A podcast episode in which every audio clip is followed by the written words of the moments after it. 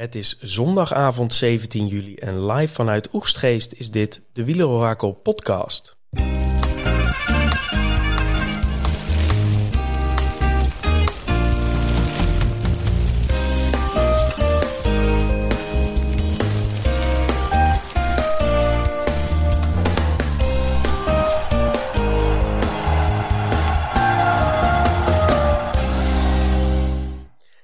Als luisteraar ziet dit niet, maar ik zit naar drie knappe koppen te kijken en mezelf. Want ik zal ze eventjes één voor één introduceren op deze... Nou, het is nog de dag van de vijftiende etappe, maar we zitten natuurlijk uh, op de derde rustdag.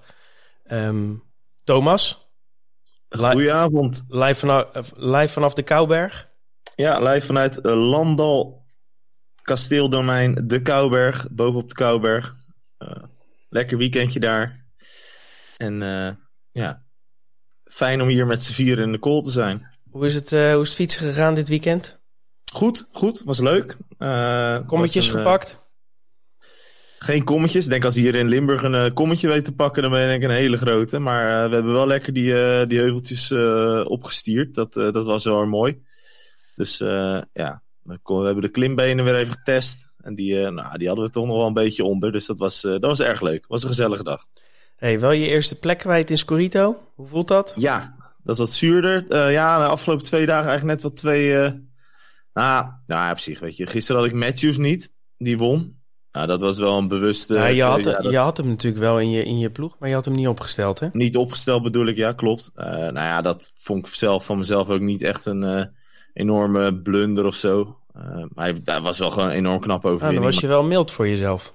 Ja, zeker. Ja, ik neem aan dat anderen wel minder mild voor me zijn. Vandaag vond ik wel echt uh, wat dommer. Ik had uh, Van Poppel niet opgesteld. Die had ik ook in mijn team. Hm. Ik had natuurlijk wel nummer 1, 2, 3, 4 vandaag. Maar ik had nummer 5 niet. Uh, omdat ik ergens had vernomen dat Van Poppel wat ziekjes was. En dat hij eigenlijk waar blij was dat hij de rustdag zou halen. Alleen hij was blijkbaar niet ziek genoeg om, om helemaal af te haken. En hij sprintte nog naar een vijfde plek goed voor het Nederlandse wielrennen, maar minder goed voor mijn Scorito. minder goed voor Zwetmas. Ja, dus ik sta nu volgens mij vierde in de, in de subleague. Is het nog acceptabel hoor, Thomas? Ja, zeker. Dat... Eh. Hey, uh, een paar honderd meter bij jou vandaan, denk ik. Uh, Daniel, vanuit de grot in Maastricht, daar zit je weer. Ja, 12 kilometer verderop inderdaad. En, uh, Uit 12 kilometer is het wel, sorry. Ja. Maar jij bent uh, ook weer uh, helemaal uh, up and ready voor een mooie podcast? Ja, zeker. Niet zoveel bij racefiets gezeten dit weekend, maar veel op de bakfiets. Dus, elektrisch of niet? Door, voor, helemaal elektrisch, ja. Die lekker laten voordrijven door de motor. Keurig. Dus die, die wielrenkilometers maken we deze week alweer. Ja, jij hebt weer wat statistieken opgeduikeld, dus die gaan we straks ook weer lekker doornemen. Um, Arjan, Zoer, dat zijn wat meer kilometertjes daar vandaan. Ja, het mooie landelijke Oene gemeente Epe. Uh, ook uh, present. Van achter de, of van voor de boekenkast, zie ik daar. Ja, we hebben wat aan het geluid uh, gedaan. Dus toch netjes na 33 podcasts hè, dat we dat hebben gefixt. Dus ik hoop dat dat nu helemaal ideaal is. maar goed, we staan nog open voor suggesties, mocht dat, mocht dat niet zo zijn. Maar in ieder geval, wij kunnen elkaar goed verstaan en we zien elkaar ook nog. Dus dat gaat de goede kant op. Hey, wat we gaan doen is eerst even terugkijken naar vandaag. Wat hebben we gezien?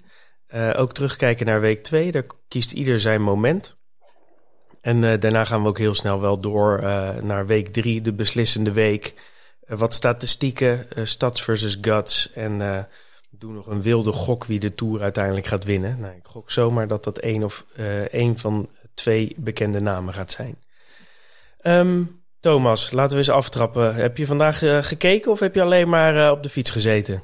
Nee, nee, vandaag uh, niet, niet gefietst. Ehm, wel wat activiteiten op en in en rondom Valkenburg. Ik heb, ik heb de finale gezien en een aantal momenten tussendoor. Dus ja, ik denk het belangrijk. Voor, ik had aan het begin even ingeschakeld, omdat ik het dat wel leuk vind om te kijken van wie, wie gaat er hier nou voor die vlucht en hoe gaat dat lopen zag er nog heel even in, uit alsof dat interessant zou worden. Hmm. Uh, totdat uiteindelijk uh, uh, ja, het blok erop ging in het peloton en Van Aert opeens met nog twee man vooraan zat. Toen ik al zoiets van, ja, weet je wat, wat dat heeft hij natuurlijk in etappe 6 al gedaan, maar ja, heeft natuurlijk geen zin. Want je zag al, er waren best wel wat ploegen die wilden controleren. Dus ik had eigenlijk al zoiets van, nou, Wout, laat je alsjeblieft uitzakken. Nou, dat deed hij gelukkig. En toen waren het Polly en Honoré vooraan. En ja, dat was eigenlijk een vlucht die ten dode was opgeschreven. En dan werd het alleen nog even leuk om te kijken van... oké, welke sprinters blijven er wel aan, welke blijven er niet aan? En uh, hoe gaat dat richting, uh, richting de streep? En dat, ja. dat laatste stuk heb ik nog even gezien. Was wel even spannend natuurlijk met onze Benjamin Thomas. Zo, die, die, die zat goed. Die achter de motor zat, zo hard ging die. Ja, dat leek het, daar leek het bijna op, hè, dat hij even in de slipstream zat. Oei, oei, oei. Daar, daar deed de, het Franse chauvinisme kwam daar even uh, boven drijven. Maar, uh, maar, maar over, over, motoren gesproken, denk je nou echt dat, dat Wout niet doorheeft dat hij zo sterk is, dat als hij op kop rijdt met nog andere brommers, dat dan niemand bij hem kan komen? Dat was ook al met uh, Van der Poel. Ze moesten echt met z'n tweeën rustig aandoen om de rest er weer bij te laten. Maar nu ook is die weg met Pollitt en Honoré. Dat zijn toch echt geen trage? En dan, en dan vervolgens vindt hij het gek dat er niet een grote kopgroep gaat lopen. Dan denk ik, ja. Nou, of vind ik dat. Ik vond het op zich wel raar. Want zij, zij zaten in een, in een relatief grote kopgroep. En daar reden ze dan een soort van uh, vooruit. Mm -hmm. En die grote kopgroep, die. Ik weet niet wat ze dachten, maar die, die lieten zich een soort van inlopen. Maar dat was geen um, ja, zin om een soort van aan te haken. En toen ineens de, lieten ze het gat echt met een paar tientallen seconden oplopen. En op een gegeven moment toen, uh, uh, nou, het nog wel wat aanvalletjes, maar de Jumbo en Vingegaard die zeiden van rustig aan doen. Terwijl ik dacht, volgens mij moet Jumbo willen dat er meer mensen weggaan. Mm. Dus ik vond het sowieso heel raar. En toen bleef Wout nog relatief lang doorrijden ook. Waarvan je denkt van, nou ja, later zei hij erover, mijn communicatie uh, deed het niet. Ik denk, ja, ja mm. volgens mij als je twee man om je heen ziet, hoef je niet zo heel hard door te rijden. Maar goed, nee. uh, het was wel weer een beetje een bijzonder uh, scenario. Wat vond jij ervan, Daniel? Ja, je had één moment dat, uh, dat Mollema een soort lead-out deed voor, uh, voor Stuiven. Dat ik dacht van, oh, misschien gaan ze nu nog met een paar sterke mannen naartoe rijden. Dus uh, nou, ik was ook verbaasd door die actie. Ik denk van, ja, we hebben volgens mij een paar etappes geleden gezien dat het niet heel veel oplevert als, als Van daar in zo'n groepje voor blijft rijden. Dus um, enigszins wel, wel opgelucht voor Jumbo dat, dat Van zich uiteindelijk liet terugzakken. maar wel jammer voor de dynamiek in de koers dat er niet een iets grotere groep ging rijden. Ja, zat nu vooral, de spanning zat hem nu vooral in, uh, in het moment dat de sprinters uh, gelost werden en weer terug moesten komen. En niet zozeer of die kopgroep nog wel gegrepen zou worden. Ja, ik snapte Snap overigens wel dat Van Aert uh, meeging in een, in een kopgroep. Mm -hmm. Want ik ja, denk, zeker. Kijk, als hij in een kopgroep van 20 zit, dan maakt hij natuurlijk een goede kans. En dat snap ik. ja. Maar als hij met drieën zit, dan denk ik, ja, dan heb je meer kans in de pelotonsprint.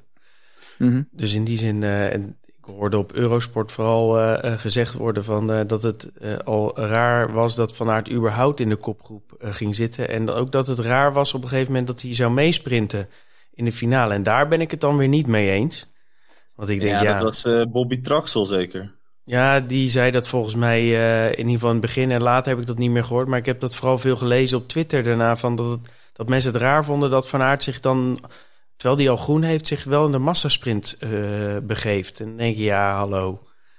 Ja, dat vind ik ook een, be een beetje... Vingegaard die kan ook vallen uh, midden, als er niks aan de hand is midden in het peloton. Dus uh, ja, op een gegeven moment... Nee, dat zeker. Kijk, dat hij in die aanval gaat vandaag, ja, daar kan je van alles van vinden. Dat hij daar te lang door voor rijdt. Ik vind dat ook niet heel slim, eerlijk gezegd. Um, maar goed, dat hij daar meesprint. Want nou ja, het is nog geen eens een echte massasprint vandaag. Hè, want het, dat, Nee. dat peloton is nog best wel uitgedund. Mm. Ja, het is gewoon een hele reële kans op een ritzegen. En uh, ja, wat mij betreft, uh, weet je, wat moet hij anders doen? gaan, moet ja. hij dan langs de kant van de weg gaan staan en wachten tot iedereen gefinished is en dan gaan rijden? Want ook als hij 30ste, 40ste rijdt, dan kan je ook heel lelijk vallen. Ja, eens. Dus, dus ik, uh, dat, vind ik, uh, dat vind ik wat ver gezocht, eerlijk gezegd. Dat hij wat beter met zijn krachten om moet gaan, dat vind ik wel. Nou, en ik weet, niet, ik weet ook niet of het echt wel nodig is. Dus volgens mij is hij hartstikke goed en wil hij dat ook graag laten zien. Uh, maar in zo'n ontsnapping mee, ik denk niet dat dat namelijk zijn grootste kans is om een etappe te winnen. Ik denk als hij gewoon rustig in het peloton blijft en het wordt een sprint, heeft hij ook heel veel kans. Misschien nog wel meer dan dat hij in zijn kopgroep zit. Want even, als jij in die kopgroep zit in die groene trui, dat is een hartstikke makkelijke uh, target. Ja, je, je, moet om de beurt uit zijn rug wegspringen. Want anders, uh, je gaat niet met Wout naar de, naar de streep rijden. Want dan, dan, dan legt hij je erop. Boah, hij werd vanda vandaag wordt hij ook uh, uh, in de massasprint net geklopt. Ja, laat staan in een klein groepje dan. Dan wint hij met twee vingers in zijn neus. Dus ja, ik, ik, ik weet niet of hij er goed aan doet om, om in zo'n groepje te willen zitten. Nou ja, daar Nee. valt, valt ook iets voor eh, te zeggen. Ehm, maar los van eh, eh, die sprinter, pak zo even de top 10 erbij van vandaag. Ehm, het was niet de dag van Jumbo, hè? Zo. Het was op een gegeven moment... Was, Nou en de- ik had er ook over getwitterd, maar het, een beetje het rare was dat eh, zeg maar op het ene moment werd duidelijk van eh, nou ja, onze vriend eh, Wilco Kelderman die gaat naar Jumbo. ja, positief nieuws beginnen. Ja, mooi, mooi nieuws op zich.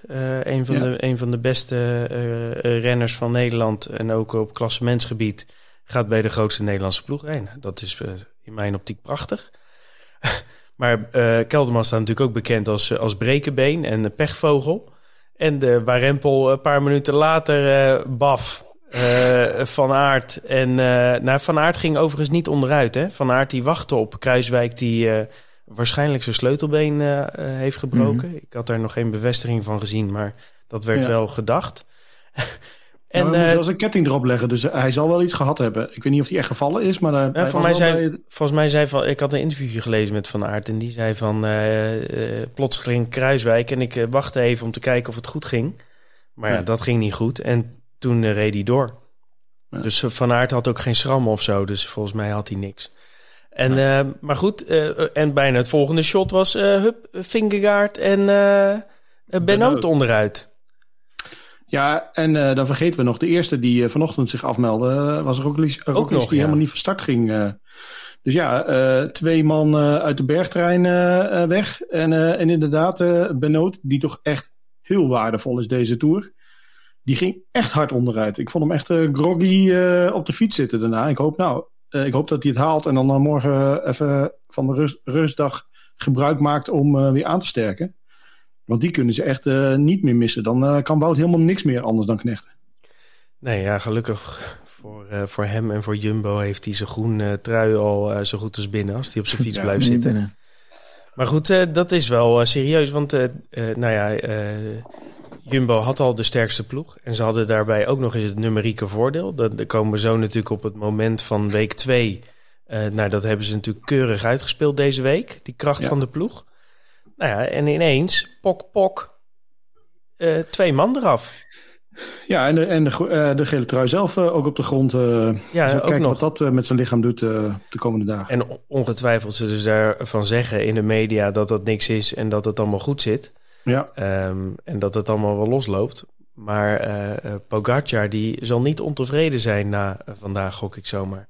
Wat, wat Nee, dacht jij ervan, eh, Thomas? Nou, dit is wel echt een serieus ding hoor. Want ehm, waar we allemaal eh, helemaal. Dat is natuurlijk vaak zo. Dat hij dan net denkt van nou, het ligt wel een soort van in een plooi de ene kant op. Dan gebeuren weer dingen die juist de, de andere kant op duwen. Maar dit is echt wel een serieus probleem voor, voor Jumbo. Eh, omdat, nou ja, enerzijds hè, ze missen dan twee man opeens. En niet de minste, want eh, nou ja, het zijn gewoon twee mannen die er in principe op de laatste klim tot aan de laatste vijf kilometer bij horen te zijn. Ja, Roglic dan misschien niet, zeg maar, hè, maar Kruiswijk reed erg sterk in de Alpen. Ja. Ehm, dus dat is een groot probleem. Nee, ze zijn gewoon met z'n zessen, dus dat geeft ook moraal aan de andere ploegen. Omdat eh, Jumbo kan niet, ze kunnen niet de controle die ze, de etappe naar Alpe d'Huez hadden ze volledig onder controle. Ja. Als ze dat nog twee keer hadden gedaan in de Pyreneeën, dan hadden ze waarschijnlijk gewoon die Tour, nou, eh, hè, als, als Vingegaard meekomt met eh Pogacar, is natuurlijk altijd een belangrijke. Maar dan waren ze echt wel gewoon echt in pole position om die Tour te winnen. Nou, nu, ja, ik heb er wel zeker veel meer met twijfels bij, omdat ze kunnen niet meer alles controleren. Dus eh, Nee, Ja. Kruis, Kruiswijk was ook echt de wegkapitein voor hun. En ook richting eh Vingegaard. Vingegaard wist gewoon als Kruiswijk zegt eh, het is links of rechts of ja, het is ja. rustig aan of even, even bijpeddelen. Dan wist hij wat hij moest doen. En dat, dat is hij nu, nu kwijt. Dus wie gaat die rol op zich nemen? Nou, dan had ik normaal gezegd Ties Benoot. Die zou het voor een deel kunnen overpakken. Niet met de ervaring van de grote rondes eh, eh, voor de overwinning strijden. Maar eh, wel een hele goede renner.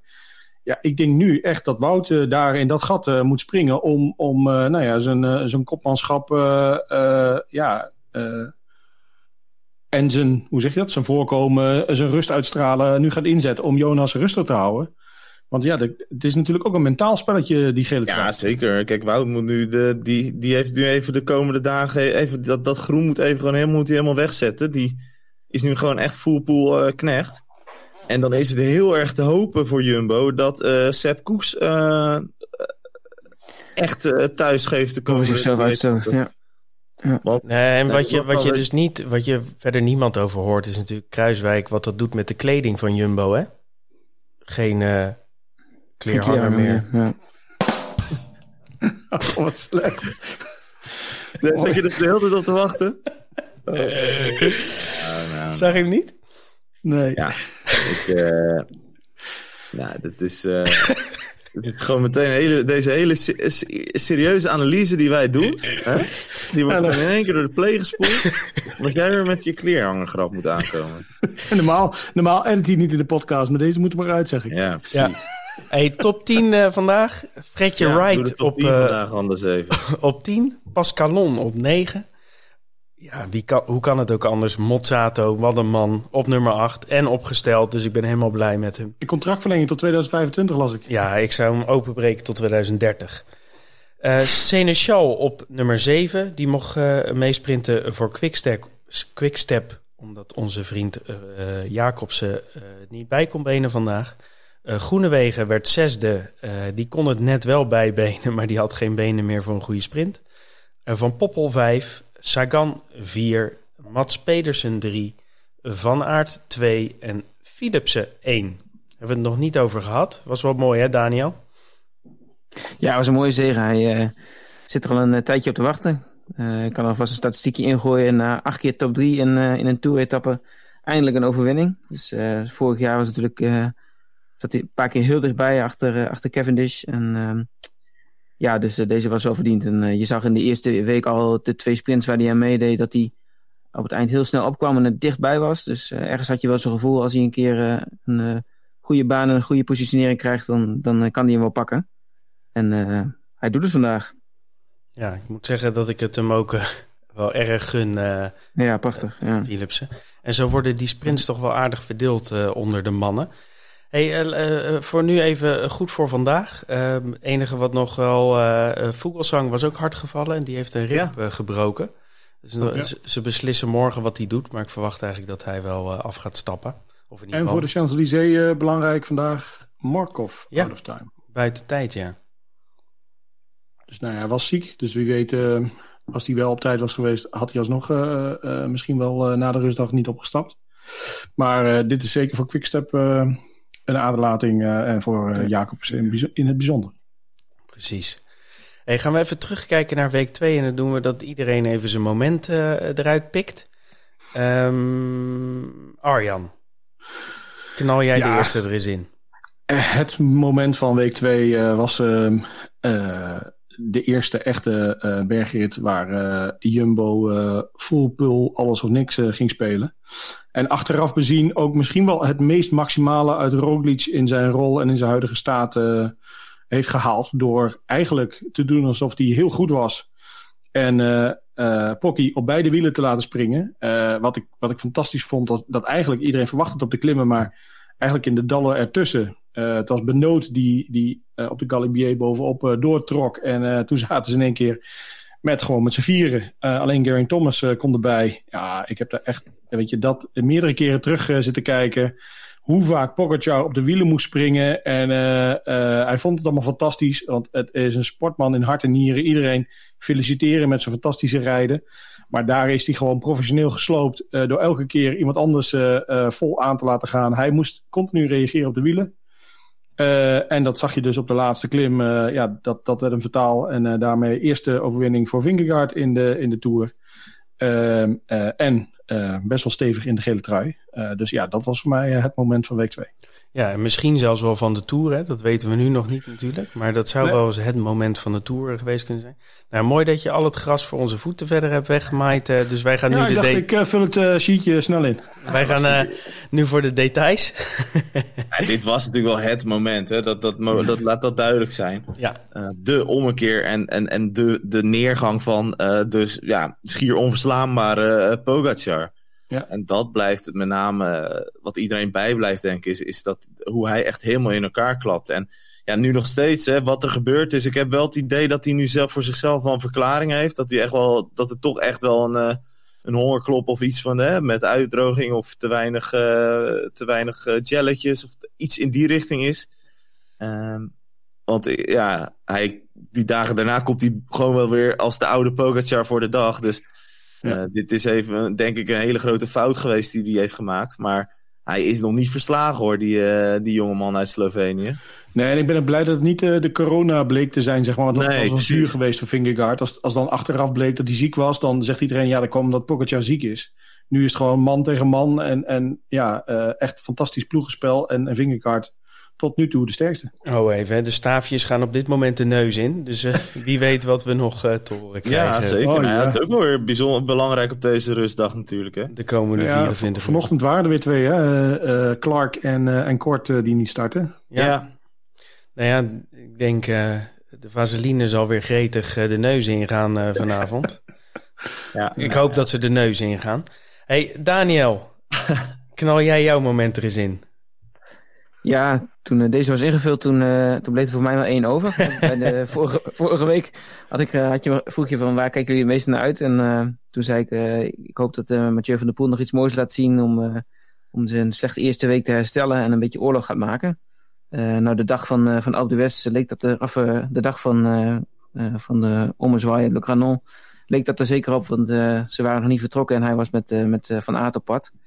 Nou, en dat, uh, ongeacht uh, de uitkomst uiteindelijk, dat ziet volgens mij een renner als, uh, van der Poel wel. Dat hij, ondanks dat hij eigenlijk wel weet dat het misschien niet in zit deze Tour, dat hij toch nog eens een poging doet of het misschien toch, toch nog doorkomt en in ieder geval nog een keer lekker in de aanval wil rijden. Dus ik vond het een mooi begin van die dag. En die dag die werd natuurlijk alleen maar mooier.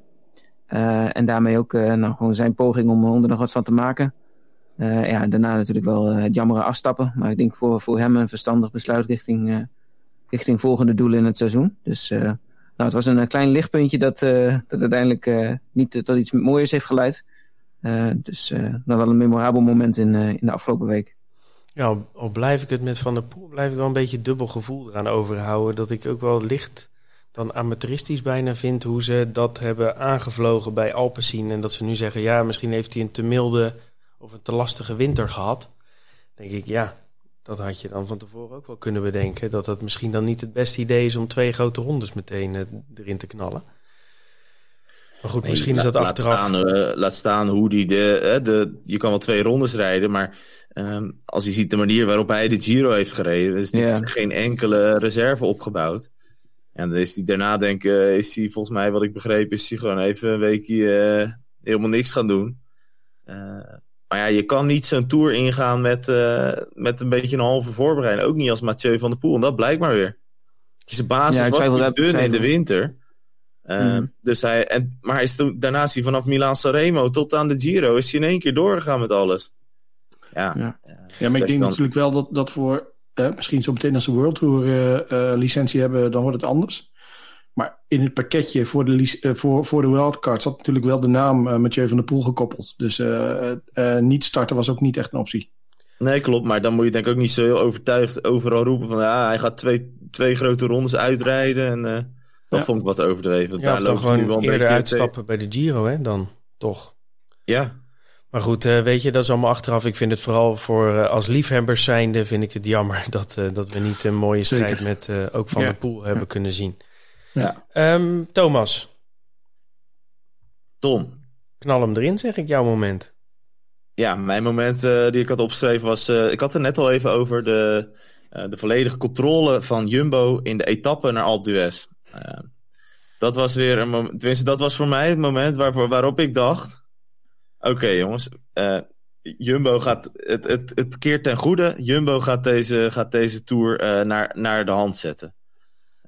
Ze reden daar zo sterk met, eh, en hadden, ze waren zo in overtal gewoon de oude, de oude Sky-tijden, die, die, die kwamen weer bij mij naar boven met eh, een enorme bergtrein. En dat ze dan op het eind zitten ze gewoon nog met een koers die eigenlijk super goed is.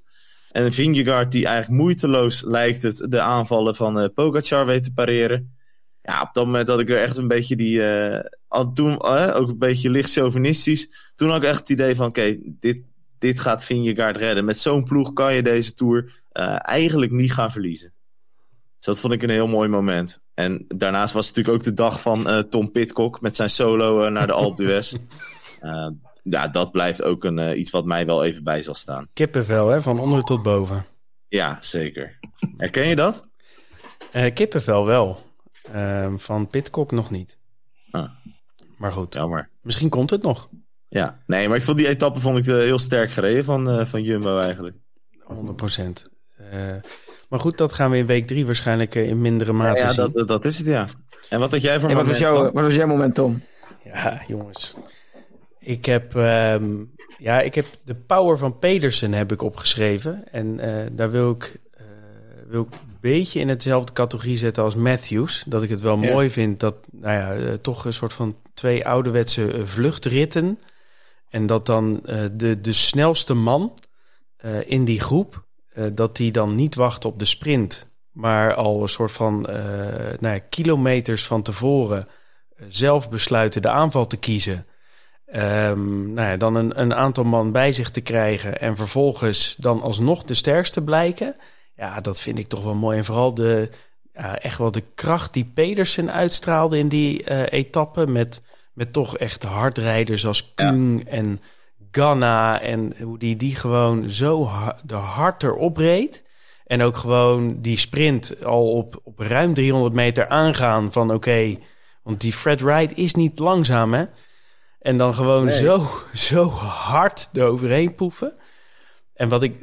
En uh, Matthews vond ik mooi uh, van uh, op kop. Bettiol laten inlopen. En dan weer Bettiol weglopen. En dan weer terugkomen. En vervolgens weer Bettiol lossen. Ja, ja, dat was toch ook wel strak hoor. Dus ik moet zeggen, die twee vluchtetappes. Die, die vind ik zeker mooi. Maar ik kan me ook wel erg vinden in jullie momenten hoor, jongens. Ja. Het was een mooie toerweek. Fantastische winnaars. Uh, Matthews ook. Even de, de sluwe vos die daar even, die daar even, uh, die daar even Bettiol soort, toch een soort van op zijn nummer zetten. ja, heel mooi om te zien. Ja, een Italiaan die op zijn nummer gezet wordt is ook altijd wel mooi om te ja, zien. Ja, ja. Nee, leuk voor Bling.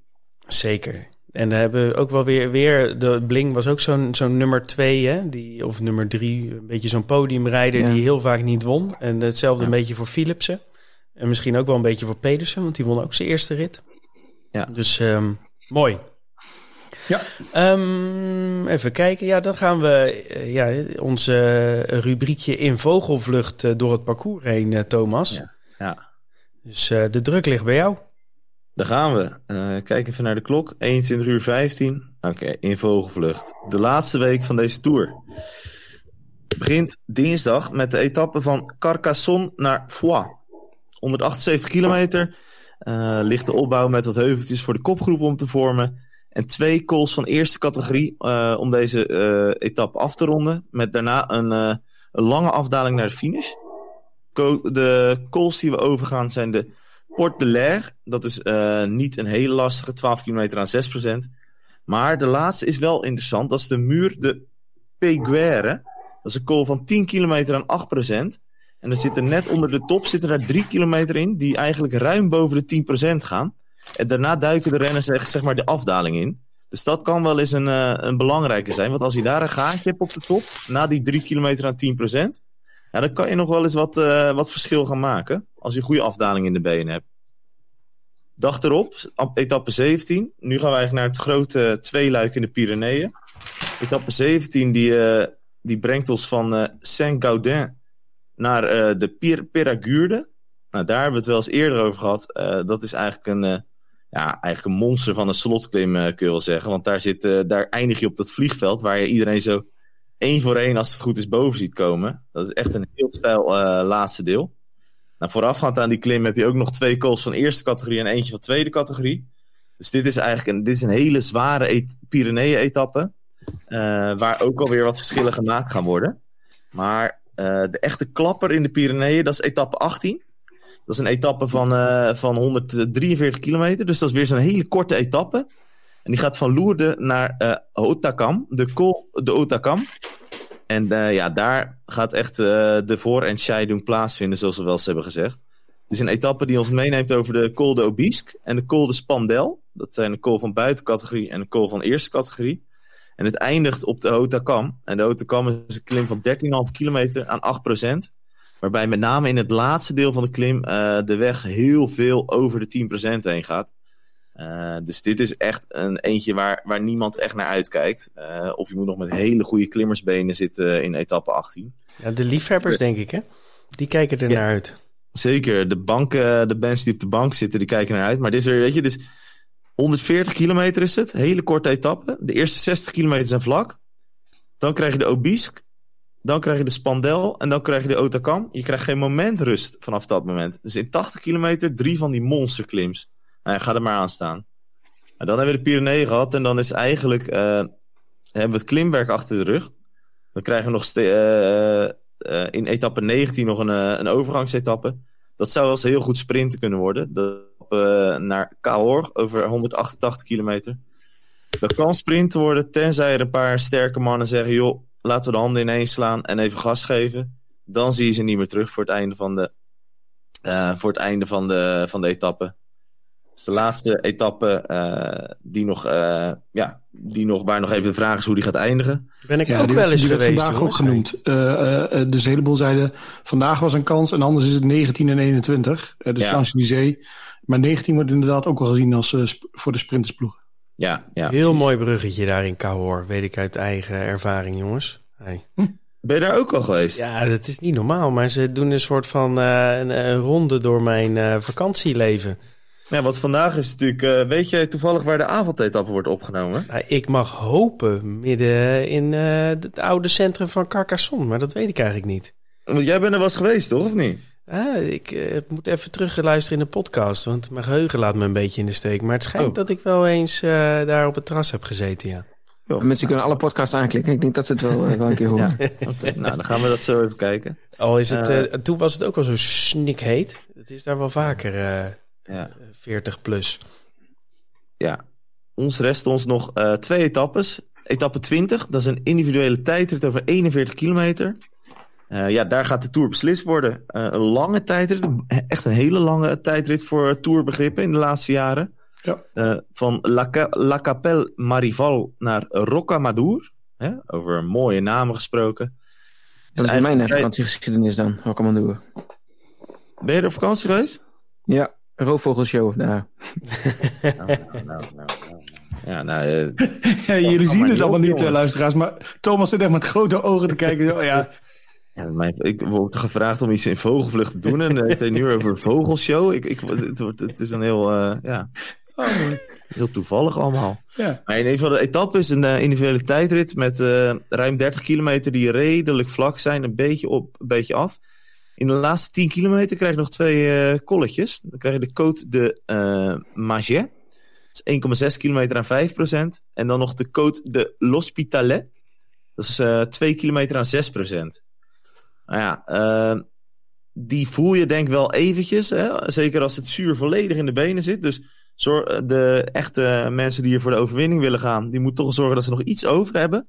Eh, en als je dat doet en je kan daar die laatste eh, 10 kilometer vol doorknallen... dan kan er wel eens iets heel moois wachten in eh Rocamadour. Eh, en dan gaat het niet alleen over een vogelshow... maar ook over een etappezege... of misschien wel over een toeroverwinning. Eh, dus eh, spektakel gegarandeerd op deze laatste zaterdag in de Tour. En dan gaan we op de laatste zondag nog één keer naar Parijs, naar de Champs-Élysées. En daar gaan we wel echt nog een keertje sprinten. Want dat is wel zo dat het dit jaar wel heel lastig is voor de sprinters om eh, tot een eh, kans te komen. Want eh, er zijn maar weinig etappes bij die eh, echt sprintetappes eh, zijn geworden. Eén ding is zeker, op de Champs-Élysées is die kans in ieder geval heel groot. Kan gewoon Wout weer in, in de aanval. Toch? Lijkt ja, wel. dat zou hij kunnen doen. Maar ehm, ik eh, geef hem meer kans als hij eh, aan eh, Laporte en eh, Van Hooijdonk eh, en Ja. Benoot, als hij hopelijk hersteld is, vraagt of hij een eh, kleine lead-out kan doen. En het, zou, het is de vraag wat onze Nederlandse mannen, onze Nederlandse troeven... Eén is de vraag of ze de Champs-Élysées halen. Mhm. En voor Groenewegen zie ik dat wel positief in. Die klimt eh, lekker, vind ik. Het redelijk, ja. Heeft daar wel eens gewonnen, dus die zal hem ook wel willen halen. Ja, voor Jacobsen, ik, ik hoop het. Ik hoop het. Maar eh, kan wel eens wat lastiger worden misschien. Maar als ze er zijn, dan kan het wel eens een koninklijke sprint worden daar. Mooi.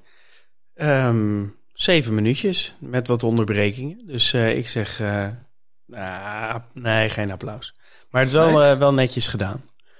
Dankjewel. Ehm, Daniel, statistieken binnen de zeven minuten. Moet lukken, toch? Ja, we doen ons best. Zeker. We noemden net al even de etappezegen van, uh, van Philipsen. Eindelijk na, na acht keer top drie en, uh, en uh, een winst. tegelijkertijd ook de vijfde grote ronde die, die zijn ploeg Alpecin Phoenix heeft gereden, waarin ze een etappezege boekten. De vorige vier grote ronden deden ze dat al redelijk vroeg. Dit keer moesten ze dus wachten tot etappe 15. Maar toch wel redelijk indrukwekkend dat ze in alle grote ronden waar ze aan de stad staan een etappe pakken. En dan zul wel denken, dat is alleen maar Van de Poel en Philipsen geweest. Maar Stiekem hebben Melier, uh, Oldani en De Bond ook gewoon een, uh, of een grote ronde etappe gewonnen voor die ploeg. Um, dus benieuwd of ze dit gaan, gaan voortzetten de komende jaren. Ze zijn in ieder geval goed op dreef. Um, ja, de afgelopen week was toch een beetje de week van de Denen. Begon met mooie overwinning van Kort. Daarna Vingegaard natuurlijk met de, de mooie koep. En Pedersen die maakt het voor Denemarken af. Drie etappenwinnaars uit Denemarken in een tour die in Denemarken gestart is. Uh, met een man die eh, in de bolletjestrui heeft gereden. Nou, de, de Tour voor Denemarken kan niet meer stuk. De laatste keer dat drie verschillende renners uit Denemarken wisten te winnen in één Tour de France was in 1994. Toen waren het Bo Hamburger. Uh, nou zeggen, Bootje Hamburger. ja, en Rolf Seurissen die, die net etappe wonnen. Dus het was even geleden voor, voor Denemarken dat ze zoveel etappes wisten te winnen. Ehm, op d'Huez was het Froome die uh, top 3 reed. Dat was voor ieder wel een verrassing. Ik denk dat dit voor Froome zijn leukste Alpe is geweest tot nu toe. De vorige keer is hij volgens mij flink, flink uitgejouwd. En dit keer werd hij, wel wat toegejuicht. Um, na zijn eerste top 3 in een World Tour race sinds 2018. Toen hij daar de Tour de France als derde eindigde. Dus dat was een tijdje geleden voor, voor Mr. Froome. En zijn totaal zijn 87ste, 87ste top 3 in een World Tour race. En zijn 106ste top 3 in zijn carrière. Dus hij begint eindelijk weer wat toe te voegen aan, uh, aan die indrukwekkende lijst van, uh, van, van klasseringen. Ja, dat is wel serieus. Uh, ja, dat is, dat is mooi. Jullie kwamen op, op die dag ook al wat terug op de statistiek dat er voor het eerst sinds, wat was het ook alweer, 19, of sinds 2003, geen Fransman bij de beste tien eindigde op de Nationale Feestdag. Ja. ja. Nou, de, in dat lijstje zijn nog een aantal meer leuke dingen te noemen. Uh, Bardet was dus de, op de elfde plaats de beste Fransman. En de laatste keer dat er een, uh, een Fransman won op uh, 14 juillet was uh, Barguil in 2017. Um, en in totaal won er dus zes keer een Fransman. Uh, was, was even ja, de laatste jaren, sinds 1989, was uh, zes keer een Fransman de beste op de feestdag. Chalabert won twee keer op 14 juli. En was zelfs vijf keer de beste Fransman op de feestdag. En daarnaast waren ook Virank, Roland en Perrault meermaals uh, de beste Fransman op 14 juillet. En de laatste keer dat Alpe d'Huez uh, op 14 juni uh, bedwongen werd, was in 1999. en dat was toen Guerini die daar won. En waar Richard Viran de beste Fransman werd op een zesde plek. Guerini die werd en, toen even onderuit ge, geschoffeld door een fotograaf, hè? Ja. Dat was die rit. Ja, ja dat was die, ja. ja voor de wielerquiz, hè jongens? Zijn we, zijn we scherp trouwens, of niet? 13 augustus, ja, ja. 13 augustus, zaterdag. Meld je aan. Allemaal. En neem het op tegen dit uh, kwartet. Um, Daniel, ga verder. Ja. Um, en Christopher Froome, die hebben we nu genoemd. Hij deed weer goed op 14 juli. Maar die wist al twee keer op uh, 14 juli te winnen. In 2015 en 2013. En hij werd ook al uh, nog twee keer eindigde die top 10. In 2017 en dus nu ook in 2022. En nog één, één over die, uh, die Franse feestdag. In 1996 was Madouas de beste Fransman. Die werd derde op uh, 14 juli. En 16 jaar later, uh, dat was dus in 2022, was zijn zoon Valentin Madouas de, beste Frans, de derde beste Fransman. Dus hm. dat is, de nou. familie gaat, gaat goed. Traditie in dit, wordt voortgezet. Precies. Leuk. Nou, nog een paar kleine dingetjes tussendoor. Um, Kruiswijk, klein eerbetoon. Jammer dat hij uitviel, maar toch zijn 21ste grote ronde. En dat is opvallend genoeg de Nederlander samen met Mollema die de meeste grote rondes uh, gestart is. Uh, dus ja, de andere grote namen uit de geschiedenis die hebben wel heel veel Tour de France's gereden. Maar uh, Mollema en Kruiswijk zijn degene met de meeste grote ronden op hun... of ja, waar ze aan de stad verschenen. Um, en nog wel één leuk statistiekje op de tweede rustdag. Uh, ik zat eens te kijken, want voor mijn gevoel stond nummer 30 in het klassement echt al op een heel eind. Die staat nu op 1 uur en 8 minuten. Dus uh, de, eerste de, ja, de eerste 30 renners staan al uh, op meer, of ja, de 30ste renner staat op meer dan een uur op deze tweede rustdag.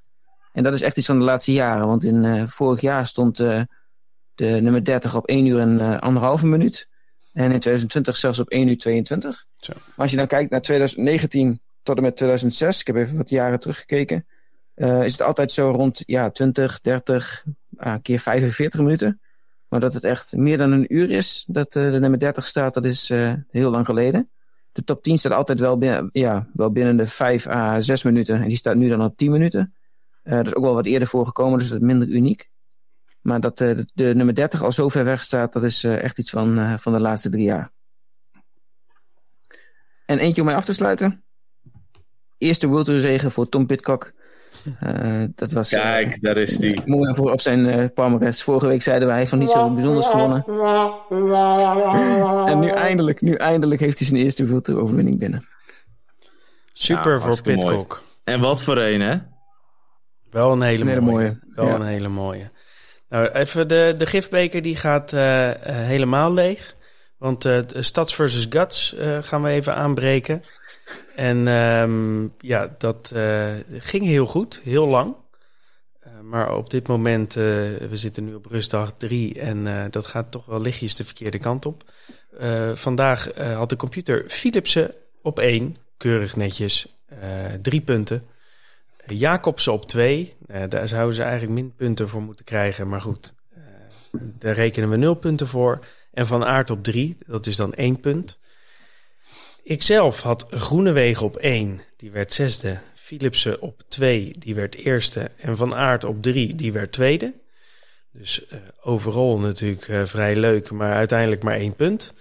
Ehm, en eh, Ja, twee puntjes. Twee puntjes. twee puntjes, sorry. Ik ben, weer heel, ik ben weer te hard voor mezelf. Ja, precies.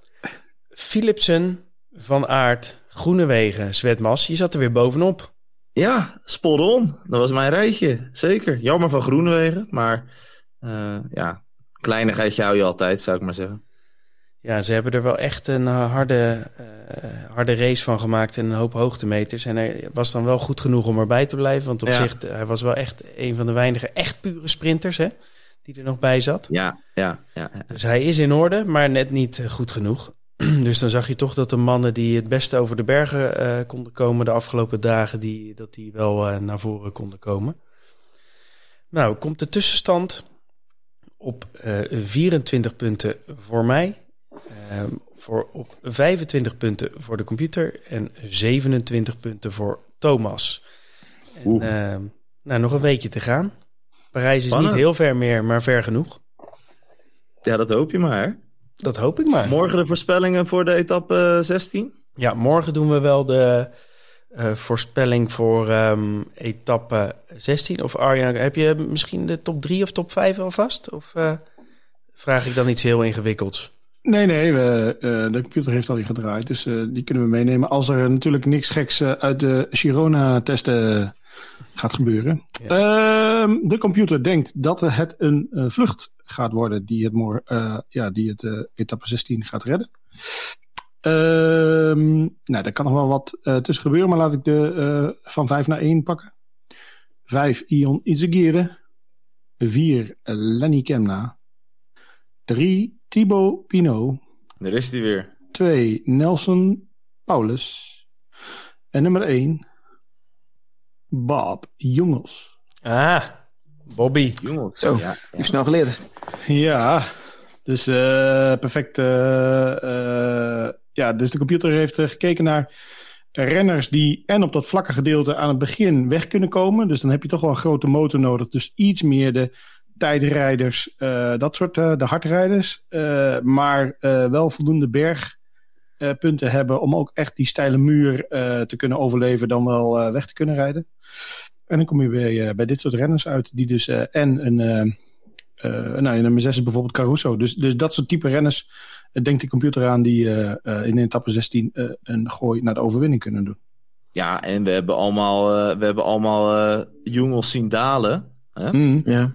Dat ging ook lekker door. Dus eh, ik snap dat wel. Ik zou eigenlijk nog één naam willen noemen die ook wel aardig komt dalen deze week. Maar dat moeten we misschien maar niet doen. Die bewaren we voor morgen, eh, Thomas. Huh? Die, bewaren we voor morgen. Maar die zie ik ook nog wel een aardig eh, eentje Ja, daar. maar de, de computer vindt die naam iets te dicht in het klassement. Ja, dat dacht ik al. En dat Snap begrijp ik. ik ook wel. Maar dat, eh, daalcapaciteiten zijn denk ik door de computer zeker meegenomen als Jungels op één staat. Vind ik Nou ja, een hele kijk, logische keuze. Het blijft wel, eh Ineos heeft wel eh, op dit moment natuurlijk wel de sterkste ploeg. Hè? Dus die Ja. kunnen dat wel gaan uitbuiten. Dus dan kan ik me voorstellen dat ze dat soort mannen, als die snelle daler, wel vooruit eh Ja, gaan nee, want, want Ineos, die heeft natuurlijk ook Dani Martinez, die is wel door blijven rijden. En ja, misschien dat die toch wel een beetje nog ergens doorheen komt. Ik weet het niet helemaal zeker, maar hij, is natuurlijk, hij zat in de vlucht deze week. Dus nou ja, Zag je wat hij vandaag deed? Volgens mij heeft hij een extra grote broek aangetrokken. Waarmee hij wel op zijn bovenbuis kan zitten. Maar dan een puntje van zijn zeem nog aan zijn zadel hangt. Moet je maar eens, Moet je maar eens kijken. Hij een gewoon- spijkertje. ik probeer het even voor me te zien, maar ik ga dat even nazoeken, denk ik, Arjan. Eh, Dat is echt grappig om te zien. hè. Ik dacht, oh, hij zit op zijn bovenbuis. Dat mag helemaal niet. Maar hij had inderdaad nog een puntje aan zijn zadel hangen. Oh, joh. Nou, beetje de maas in de wet zoeken, wat Ja, ze ja, daar ja. doen. Marginal gains. Ja, dat hebben ze wel eens vaker gedaan. Hey, Ja. gaan we even. eh, we zitten op drie kwartier, dat is op zich eh, eh, netjes. Eh, even een rondje. Wie, wie gaat de tour winnen? Ehm, dat is. Of het 50-50 is, weet ik niet. Nou, ik ben benieuwd. Daniel, trap jij me eens af? Ja, ik ga toch voor, eh, voor de Nederlandse ploeg. Ik ga voor eh Vingegaard die, eh, die de gele trui behoudt. En eh, ook deze tour, de, de Tourweek laat zien dat hij eh, in ieder geval de evenknie is van, van Pogacar in de bergen. En hoeveel Dus seconden eh, ik ga er... hij heeft nu 2 minuten eh 20 zo'n beetje. 2 minuten 22. Ja. Zoiets. Ik denk dat hij eh, zo'n eh 1 minuut 30 overhoudt. Ja. Dus hij heeft in de bergen weinig in te leveren. In de tijdrit moet hij nog eh, een beetje... Ja, dat is de vraag. Ja, maakt- maakt wat gaat nog er nou goed. gebeuren in die tijdrit? Gaat hij daar dan echt... Want Vingegaard kan op zich ook goed tijdrijden. En, Ja. Ja. Ja, de laatste tijd is van vorig jaar reed hij zelfs iets beter, geloof ik. Hè? Ja, dan, eh, Ja, die kan serieus wel Ja. tijd rijden, ja. Maar goed, ik, Ja. eh, ik ga op zich eh, anderhalve minuut. Eh, klinkt eh, klinkt goed. Arjan? Ja, ehm, eh, ik heb de computer ook een beetje laten rekenen. Dus ehm, eh, de computer zegt Jonas Vingegaard dat hij 35,2% kans heeft. En Tadej Pogacar 35, of de, sorry, 32,9. Zit heel dicht bij elkaar. Eh, dus het, eh, het is in, in, in het voordeel van Vingegaard. Maar ik denk dat het uiteindelijk minder dan een halve minuut gaat worden. Maar wel dus in het voordeel van Vingegaard. Ja. Thomas? Ja, ik vind het een hele moeilijke. Maar eh, omdat deze twee heren voor mij eh Vingegaard zeiden, ga ik voor Pogacar. Ehm, omdat ik denk dat eh Pogacar een echte winnaar is. En dat hij nu dat hij meer een man op man gevecht gaat krijgen met Vingegaard. En ik heb het idee. Want, ja, ik, ik weet niet hoe jullie dat zagen. Maar Vingegaard die viel toch best hard, vond ik. Mhm. En dat, dat, dat hoe, hoe je het ook went of keert, als je valt in een grote ronde, dat, dat, dat merk je meestal. En dat kunnen ze wel zeggen. Ze zullen altijd zeggen dat het allemaal niet zoveel is. Maar ik ben heel benieuwd hoe Vingegaard eh, die komende drie etappes doorkomt. Eh, en ik zie Pogacar daar, eh, er nog eens een keer een gekke move maken. En zonder Roglic, zonder Kruiswijk en met een misschien wat gehavende Benoot, denk ik dat het, eh, dat het toch wat meer alle, alle kanten op kan. Dus dan, eh, dan neem ik in deze even een gokje op Pogacar. Ik ga met jou Jij? mee, Thomas. Ja? Oh. Ja, en ik, eh, ook je argumentatie ga ik redelijk in mee. Ehm, de ploegen zijn in die zin nu een soort van eh, gelijk.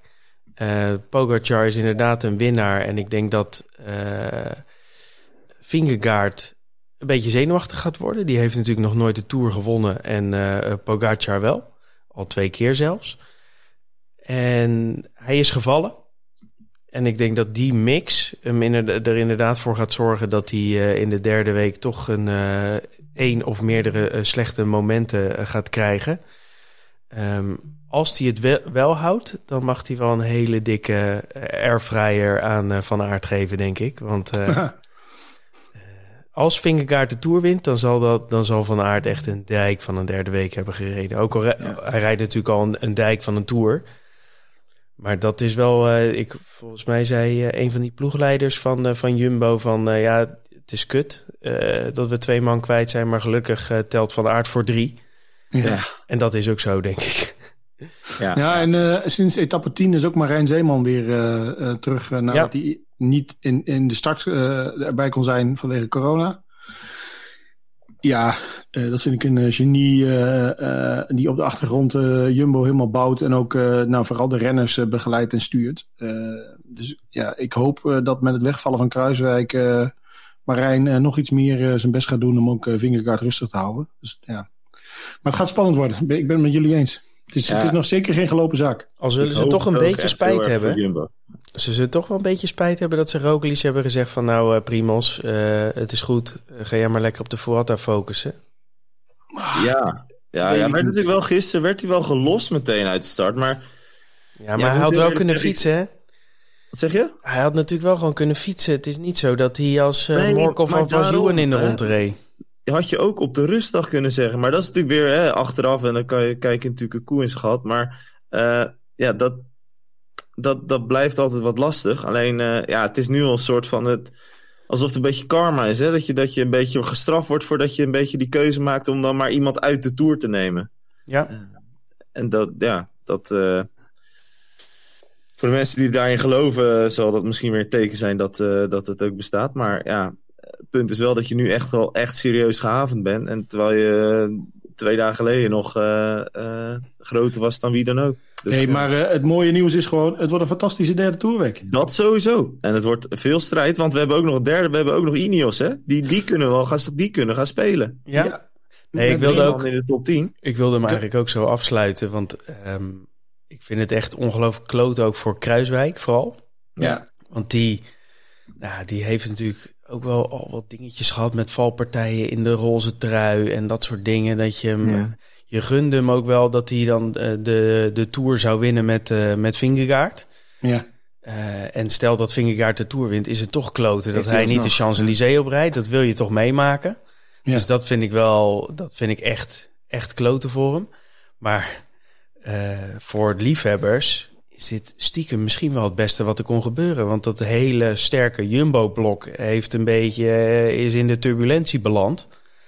Ja, er, er kan nu wel echt... En nu kan weer eh, alles gaan gebeuren hoor. Nu kan weer alles gebeuren. Dus alles, alles ligt open voor die derde week. Dus ja, het is uh, vanuit Nederlands perspectief is het misschien uh, een beetje moeizaam. Maar vanuit liefhebbersperspectief is het wel ja. ja. dikke waarde. Toch? Daar kunnen we mee afsluiten, dacht ik. veel tv kijken de komende week. Yes. Hey, um, uh, volgende week zondag, uh, ik weet nog eigenlijk niet of iedereen uh, erbij is. Arjan die gaat naar het ik, mooie Frankrijk, hè? Ik zit, in, ik zit in La Bresse, dus ik ben er met de laatste drie etappes van de dames ben ik aanwezig. Ja, dus onze, dus... onze razende reporter van, van de dames, dus ik verwacht wel wat quotejes bij de bus. Mm. maar um, leuk om zo, uh, om zo even met z'n vieren die podcast te doen uh, midden in de tour. En um, ja, er gaan er nog wel wat, uh, wat volgen. Ja. Ik zeg dank. Goed, met, met super geluid toch, Tom, begreep ik? Dus nee, dat, dat horen we. Dat horen we, dat horen we straks. uit de feedback. ja. ja. Okay. Hey, dank mannen. Ik ga me afsluiten. Hoi, hoi. Tot later.